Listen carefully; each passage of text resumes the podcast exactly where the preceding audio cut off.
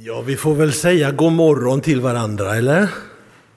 Lite sent kanske på dagen att göra det, men vi brukar ju säga god morgon när en natt har flytt och vi har vaknat igen. Det blir ju några sådana morgnar. För min del har det idag blivit 26 830 sedan jag föddes. Så många dagar har jag levt. 26 830. Då har jag räknat med 17 skottårsdagar också för att vara på säkra sidan. Så många nätter har jag också varit med om. Jag tycker det är fascinerande att tänka på hur natten faktiskt är en väldigt viktig del av våra liv. En tredjedel. Vi tillbringar en tredjedel i runda svängar av våra liv i vila. Under natten om vi så vill, som generell som utgångspunkt. Och om man då multiplicerar 26 830 med antalet natttimmar som då är 8 så får man i mitt fall 214 640 timmar som jag har upplevt viloläge natt. Det svindlar ju nästan i tanken när man tänker på hur, hur mycket tid av sitt liv man ägnar åt detta. Men eh, den här predikan idag kommer att handla om nattimmarnas värde och möjligheter och också om nattimmarnas kamp och hjälp. För dagens predikotema är nattens Gud. Nattens Gud. När man väljer ett tema för att predika över det, då blir det ju så att, att man väljer många versar och bygger ihop dem till en slags bild. Och det är lite varningsflagg på det, för man kan bli rätt så ensidig när man väljer ut bibelord och man tar dem ur sitt sammanhang. Så innan jag fortsätter nu vill jag uppmana var och en att eh, läsa sammanhangen i de referenser som jag ger. Jag kommer vid varje tillfälle jag citerar en saltarsalm att säga var det är någonstans. Det går alltså att lyssna i efterhand och kolla och titta på sammanhanget. För varje citat jag kommer att göra finns i ett givet sammanhang som jag naturligtvis inte hinner referera till i den här tematiska predikan. Men eh, det är just i saltaren jag kommer att röra mig och jag kommer att röra mig i 15 olika saltarsalmer. Sex av dem har David skrivit och två, tre av dem har Asaf skrivit. Sen är det en av Korachs ättlingar och fem stycken som är okänd författare. Och ni hör ju, det här kan ju bli vad som helst när man bara plockar ihop bibelverser från 15 salmer. Men jag längtar efter att få göra det här. Jag längtar efter att få dela med mig av en tankesvit som jag har burit på länge och som har fascinerat mig så mycket att jag har sagt till Åke för länge sedan. Jag vill någon gång predika på temat nattens Gud. Vi pratar väldigt ofta om Gud på dagen och det är jättebra, men inte lika ofta om Gud på natten. Det vill jag göra nu. Därför att Gud är verkligen nattens Gud. Och en, en given utgångspunkt som jag har funnit är ju Asaf i psalm 74. Asaf eh, var, var begåvad musikant och diktare under Davids tid. Eh, där skriver Asaf eh, det citatet som nu kommer upp här också på, på storbilden. Din är dagen och din är natten. Det är ett påstående av Asaf i en bön som som grundar sig i kris och elände och nöd. Han har det svårt. Eh, men, men han väljer då att notera i sitt uttryck av längtan till Gud. Din är dagen och din är natten. Och jag vänder nu på det och säger Gud är dagens Gud, men Gud är också nattens Gud. Välkommen med på den här lilla resan genom texter om nattens Gud. Kanske har du en minut under den här predikan som blir just din minut. Jag hörde någon säga det en gång. I alla föredrag och föreläsningar och predikningar man hör är det ofta så att någonting speciellt sticker ut och man får sin egen minut. Det var just det som talade till mitt hjärta. Kanske kan någonting särskilt tala till ditt hjärta ur de här saltarsalmerna som jag nu kommer att, att vandra igenom. Och jag vill, jag vill börja med att notera nattens salighet. Det är något väldigt vackert med natten. Det är en salig tid. En underbar tid att få gå till vila, finna ro i dagens möda och, och allt det som, det som rör sig så mycket omkring oss. För natten är inte en bortslösad tid, en förslösad tid. Om man tänker på 214 640 nattimmar som bortkastade, då kan man ju bli rätt så, rätt så ledsen av sig. Men om man tänker på de timmarna som saliga timmar som Gud har gett för att vi ska kunna leva, då blir det ju plötsligt någonting helt annat. Tänk så många fantastiska timmar jag har haft i mitt liv då jag egentligen inte har varit särskilt medveten. Men Gud är ju väldigt medveten. För vår bibel säger Gud sover aldrig. Gud behöver inte sova. Sömn, natt, dag är inte egentliga begrepp för Gud i, i, från, från Guds perspektiv. Och I en av vallfartssångerna som finns i Saltaren, den 121, finns ett uttryck i vers 4 om just Gud. Psalm 121, vers 4. Han sover aldrig. Han vakar ständigt. Han sover aldrig, det vet vi ju, men det är ju, det är ju underbart. Så när vi då lägger oss ner och sover, då, då, då är det ett mänskligt behov. Att, att den där, det där uttrycket finns just i en vallfartssalm är ju intressant därför att när man vallfärdar till någon plats då blir man så småningom trött och måste vila, måste sova, annars orkar man inte vidare. Och då, då, då, då skriver psalmförfattaren, så är det inte med Gud. Han, han behöver inte ta en paus när vi vallfärdar. Han är med hela tiden, även när vi sover. Eh, så eh, David uttrycker i psalm, jag läser ur två olika biblar idag, jag läser ur bibel eh, 2000 allra mest. Jag säger när jag läser ifrån folkbibeln. Ifrån psalm 4 vill jag läsa eh, David som eh, uttrycker sig så här ifrån vers nummer 7 till vers nummer 9. På frågan om liksom, var, var, var, finner man lycka någonstans? Vad är lycka? Och här är ett intressant svar. Många säger, vem kan ge oss lycka? Herre, låt ditt ansikte lysa över oss. Av dig har jag fått en större glädje än det som fått korn och vin i mängd. Jag lägger mig ner i frid och sover. Du, Herre, låter mig bo i trygghet. Det är nattens salighet. Att få vila och bo i trygghet. Det är en aspekt på natten som vi ska minnas. Den är en gåva till oss, en salighetens gåva, så att vi kan få bo i trygghet. För Gud verkar i oss också när vi sover. Och Det här är en av de tankarna som jag har burit länge. Jag tänker ibland att när jag sover händer ingenting. Det är tid som passerar, jag vaknar och börjar på nytt igen. Men faktum är att vår bibel säger att Gud som aldrig sover, han verkar både dag och natt. Vilket innebär att när du och jag sover eller vilar och är mycket avkopplade så är Gud aktiv i våra liv. Han är aktiv och finns närvarande för att, för att han, ja, kanske rent av särskilt när vi sover, när vi är i viloläge, för då är det inte så mycket som stör. Och då kan, då kan Gud verka i, i oss på olika plan han kan verka i vårt själsliv och i vårt andliga liv såklart. Men jag tror han verkar också i vår kropp.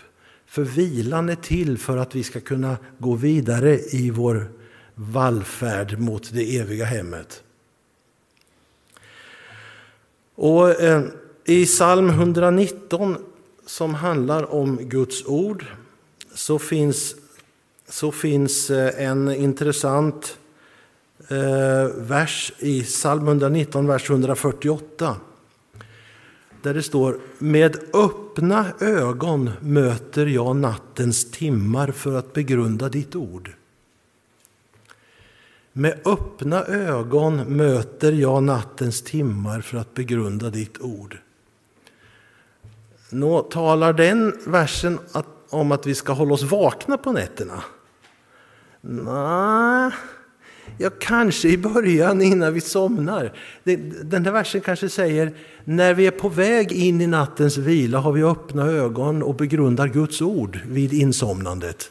Det är en god sak. Men kanske talar versen också om det inre livets öppenhet. Min ande sover nämligen inte heller. Och mitt andliga liv är i högsta grad vaket när jag sover med mitt fysiska liv. Och där kan Gud verka i din och min ande medan vi sover, för våra andliga ögon är öppna mot Gud. Vi somnar nämligen med den inställningen. Jag vill somna med dig, Herre. Det är väl en underbar, uppmuntrande salighetstanke att få somna med den vakne guden. Och ha det inre livet, det andliga livet öppet för vad Gud gör. Jag avviker ett ögonblick från Saltaren och citerar Jesaja vid det här tillfället. nu. Då. I Jesaja 26 och 9 uttrycker profeten så här denna sak. Min själ längtar efter dig om natten. Min ande söker dig. Hör du? Det här är vad som händer i ditt och mitt liv när vi sover.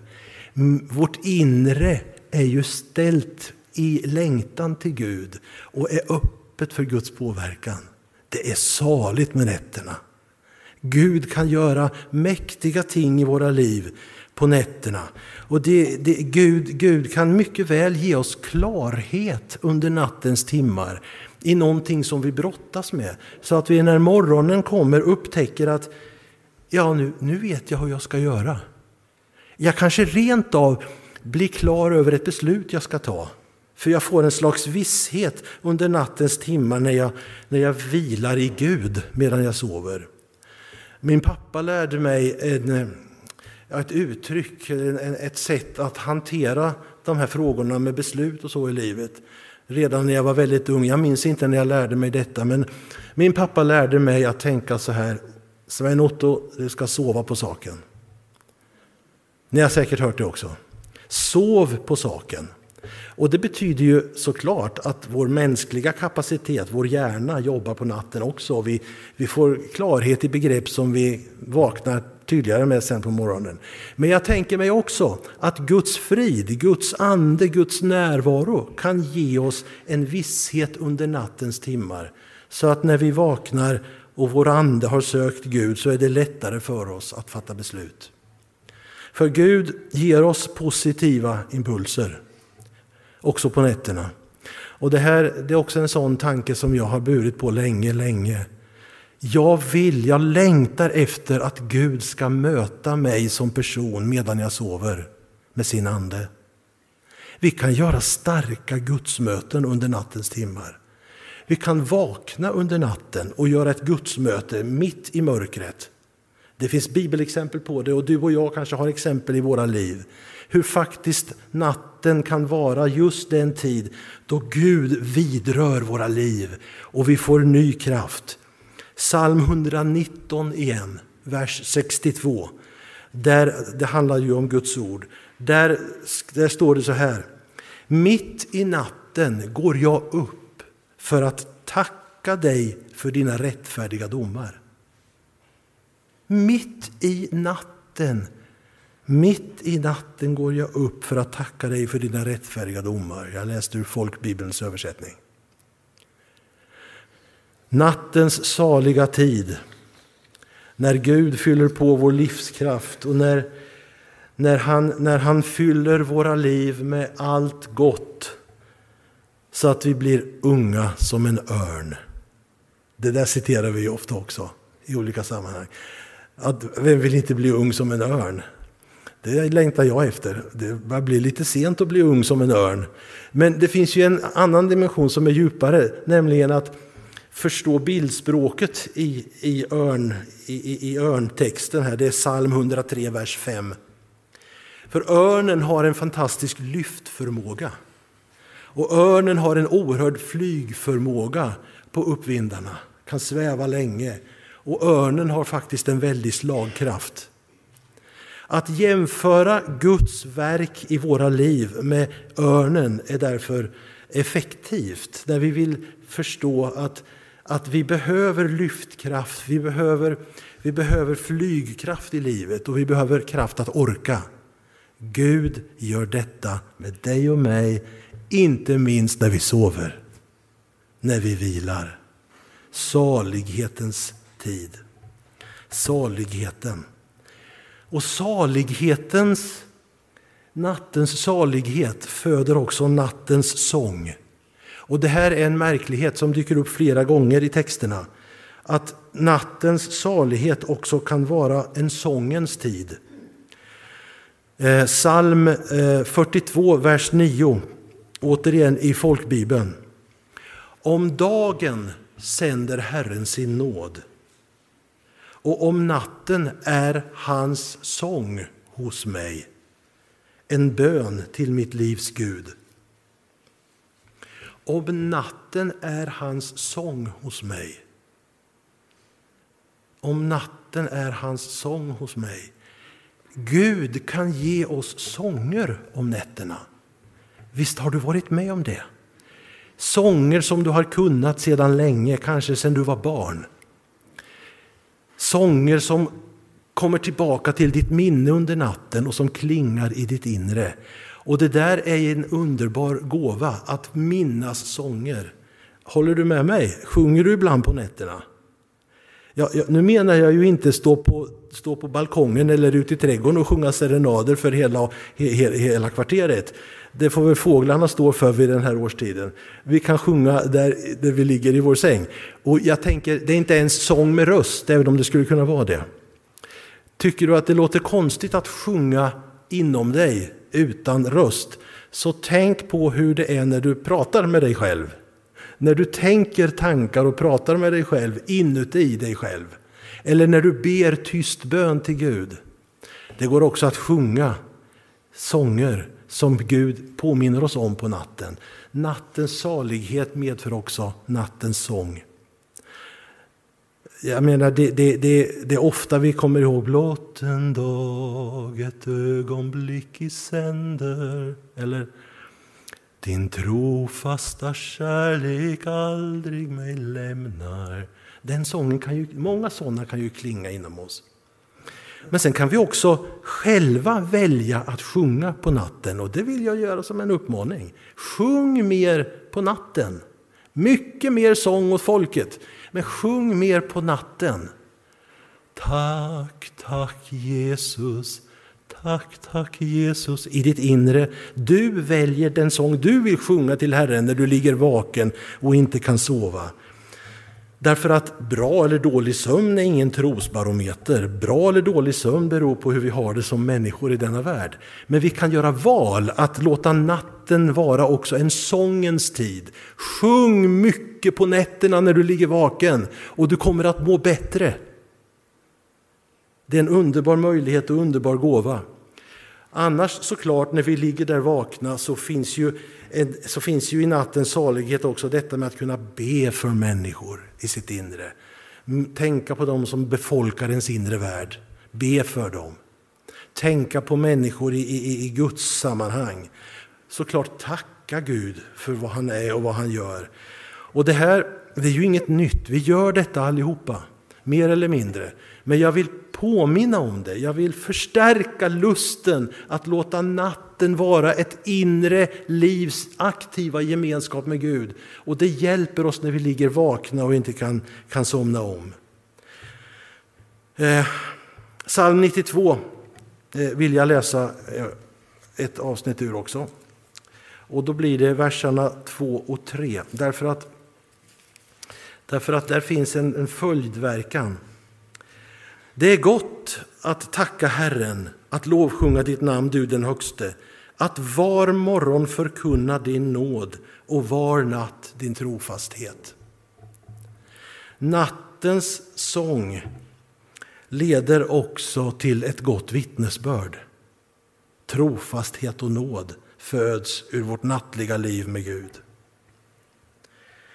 Ja, det är gott att tacka Herren och ha en stilla stund med Jesus. Låt oss aldrig tänka bort natten som förslösad tid. Gud kan verka i våra liv när vi ligger där och är vakna och när vi ligger där och sover.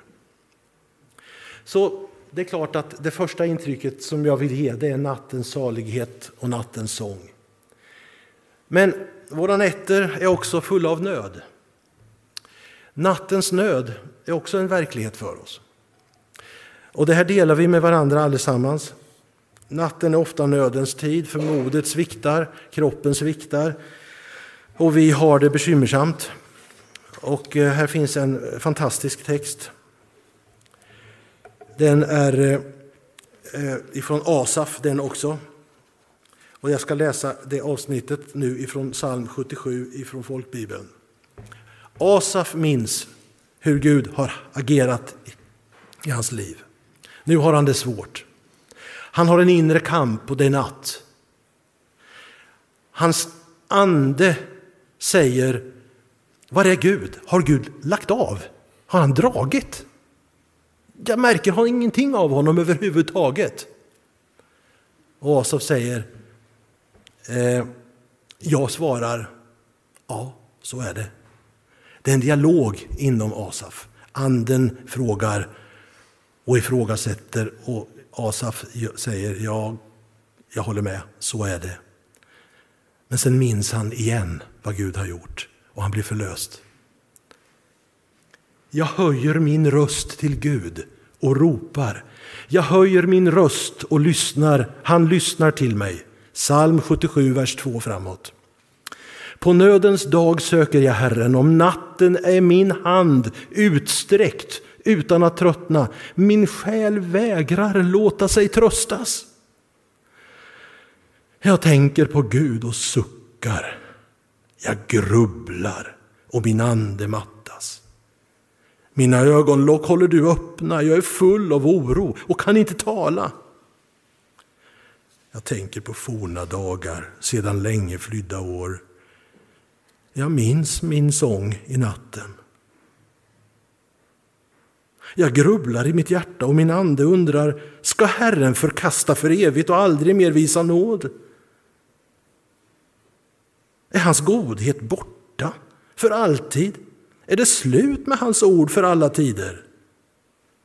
Har Gud glömt att vara nådig? Eller har han i, har han i vrede hållit inne sin barmhärtighet? Jag svarar, detta är min plåga att den Högstes högra hand inte är som förr.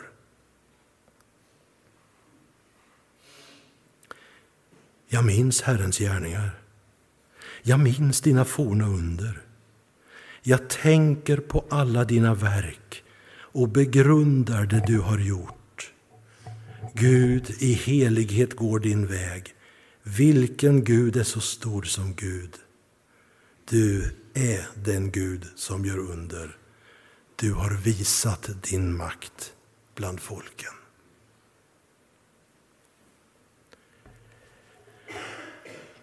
Ja, kanske klär Asaf i ord det vi alla har brottats med någon gång. Eller brottas med just nu. Vi har stress och oro, såklart. Vi har sjukdom, vi har smärta som ofta ger sig kraftigt till känna på nätterna. Och vi känner inte sällan sorg och vanmakt under nattens timmar, särskilt den senare delen av nätterna. Då vrider vi oss ofta i sängen. Vi har nöd och vi har kamp och förtvivlan och kanske rädsla, ibland till och med ångest. Och hopplösheten och mörkret vill greppa oss under nattens timmar.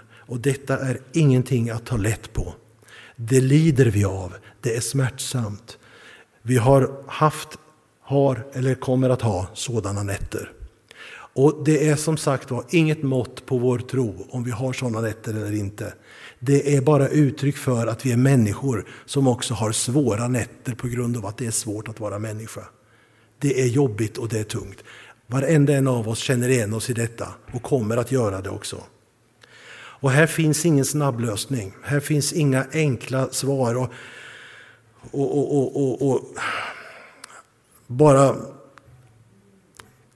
Alltså, det, det, går inte att tänka att det här bara plötsligt ska upphöra alltihopa, för det tillhör våra liv. Men Gud har i sin makt förmåga att ge oss lindring.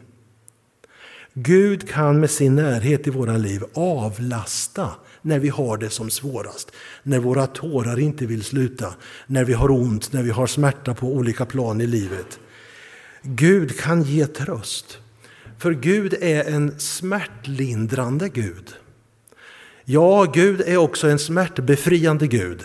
Men mycket oftare en smärtlindrande Gud genom att han inifrån vårt inre kan berika oss med sin närvaro. Och den lindringen som vi får den handlar om vår själs vånda i högsta grad.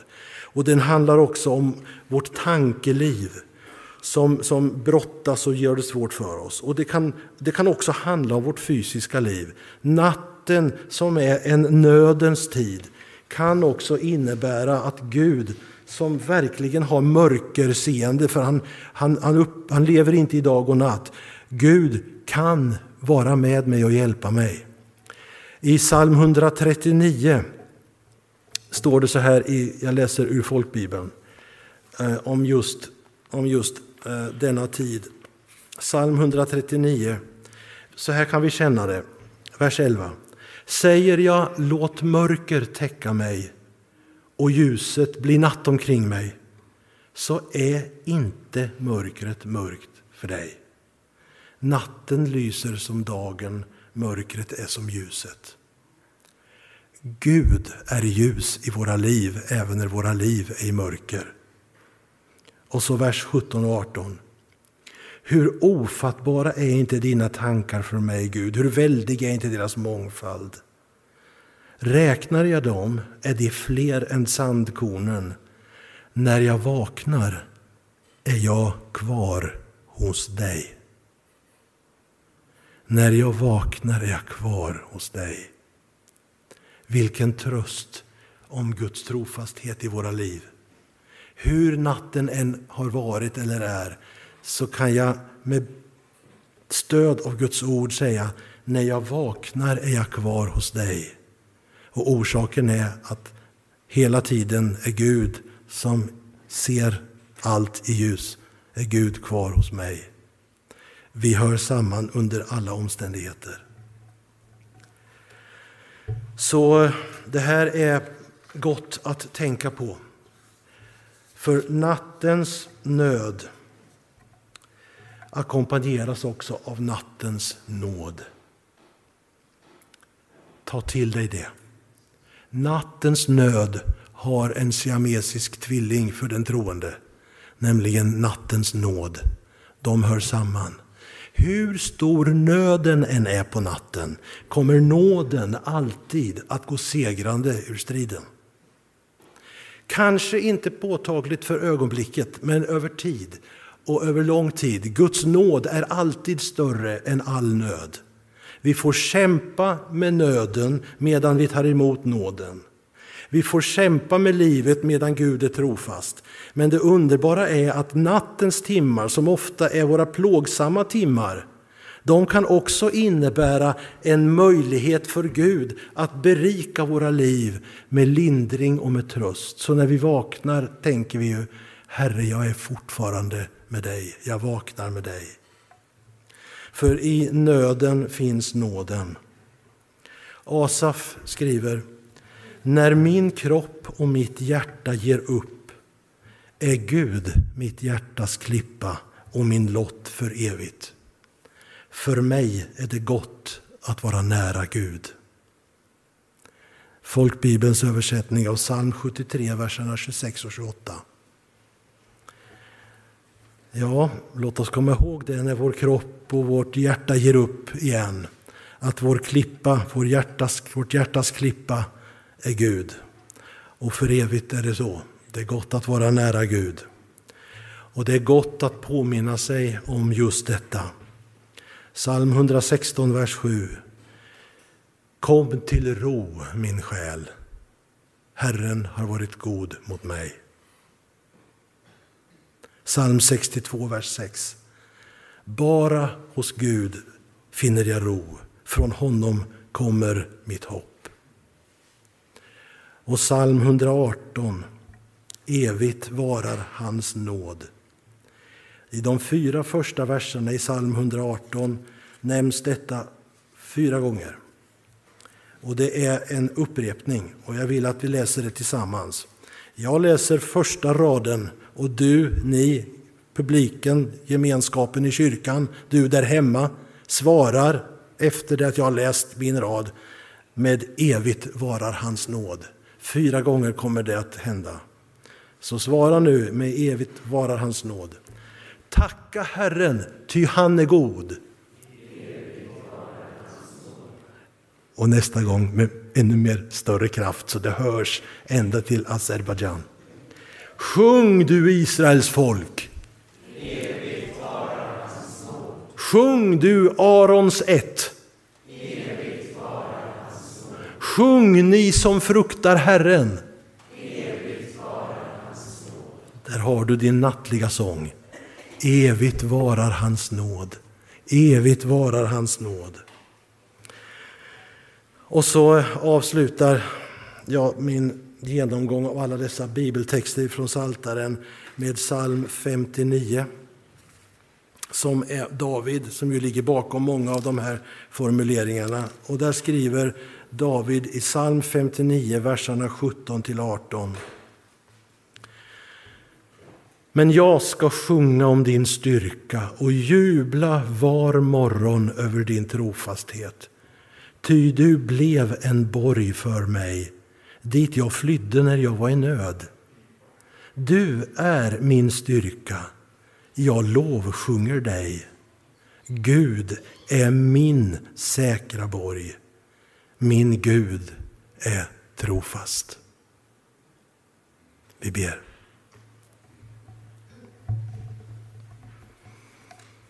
Tack Herre för din nåd som överglänser allt.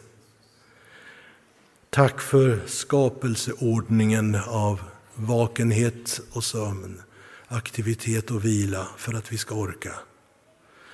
Hjälp oss i vårt dagliga slit med vår verklighet. Och ge oss, Herre, nåd att få ett ljusare och ljusare inslag ju längre vi tänker på allt detta, vad du gör. Ett allt ljusare inslag i vårt inre, dag som natt. Tack för att du är nattens Gud i mitt liv, i våra liv. Och du vill, Herre, berika oss när vi sover, när vi försöker sova men inte kan, när allt är gott såväl som när allt är ont i våra liv. Hjälp oss, Herre, att växa in allt mer i den lovsång som föds ur vissheten att du är närvarande och verkar dag som natt. För du som är dagens Gud, du är också nattens Gud. För detta ärar vi dig och prisar dig storligen. Amen.